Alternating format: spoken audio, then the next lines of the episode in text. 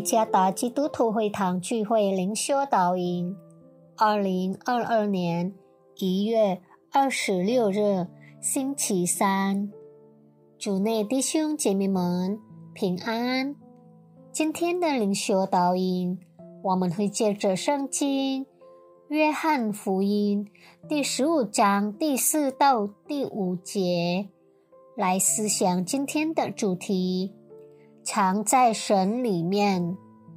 作者朱思杰传道，《约翰福音》第十五章第四到第五节：你们要藏在我里面，我也藏在你们里面。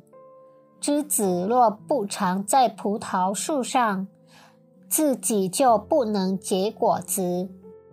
你们若不藏在我里面，也是这样。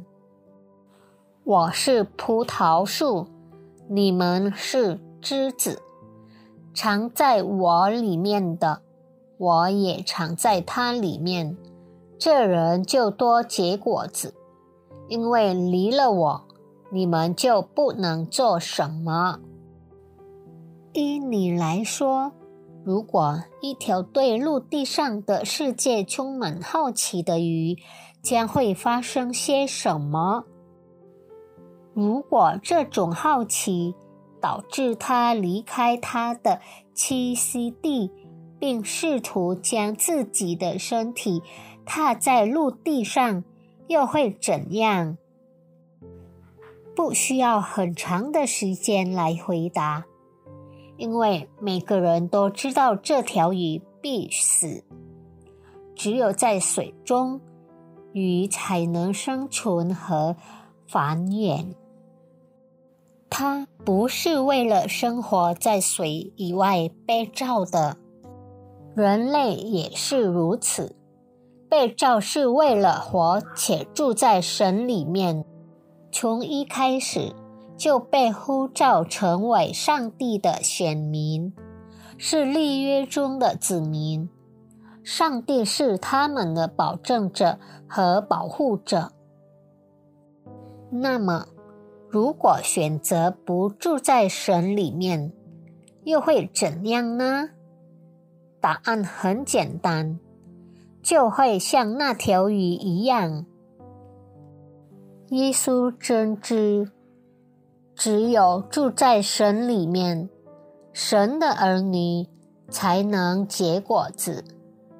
在神以外，只有枯干并失去平安。当我们认为财富或人类可以保证我们的生命时，请从过去新冠肺炎病毒在国内猖獗时的经验中学习。每个人的生命都取决于上帝的怜悯。我们怎样才能不断的住在神里面呢？第一点，我们必须始终领悟，我们今天的生命是上帝的恩典，所以我们在这世上没有什么可以夸耀的，因为一切的福都是从神而来的。第二点，我们必须时刻领悟，专抽时间阅读圣经，以及向上帝祷告。不管你多忙，记住一定要以神为先。第三点，在可以帮助我们的信心成长的门徒训练小组中成长。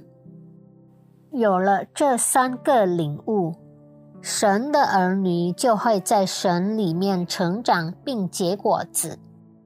约翰福音第十五章第四节：“你们要藏在我里面，我也藏在你们里面。”愿上帝赐福大家。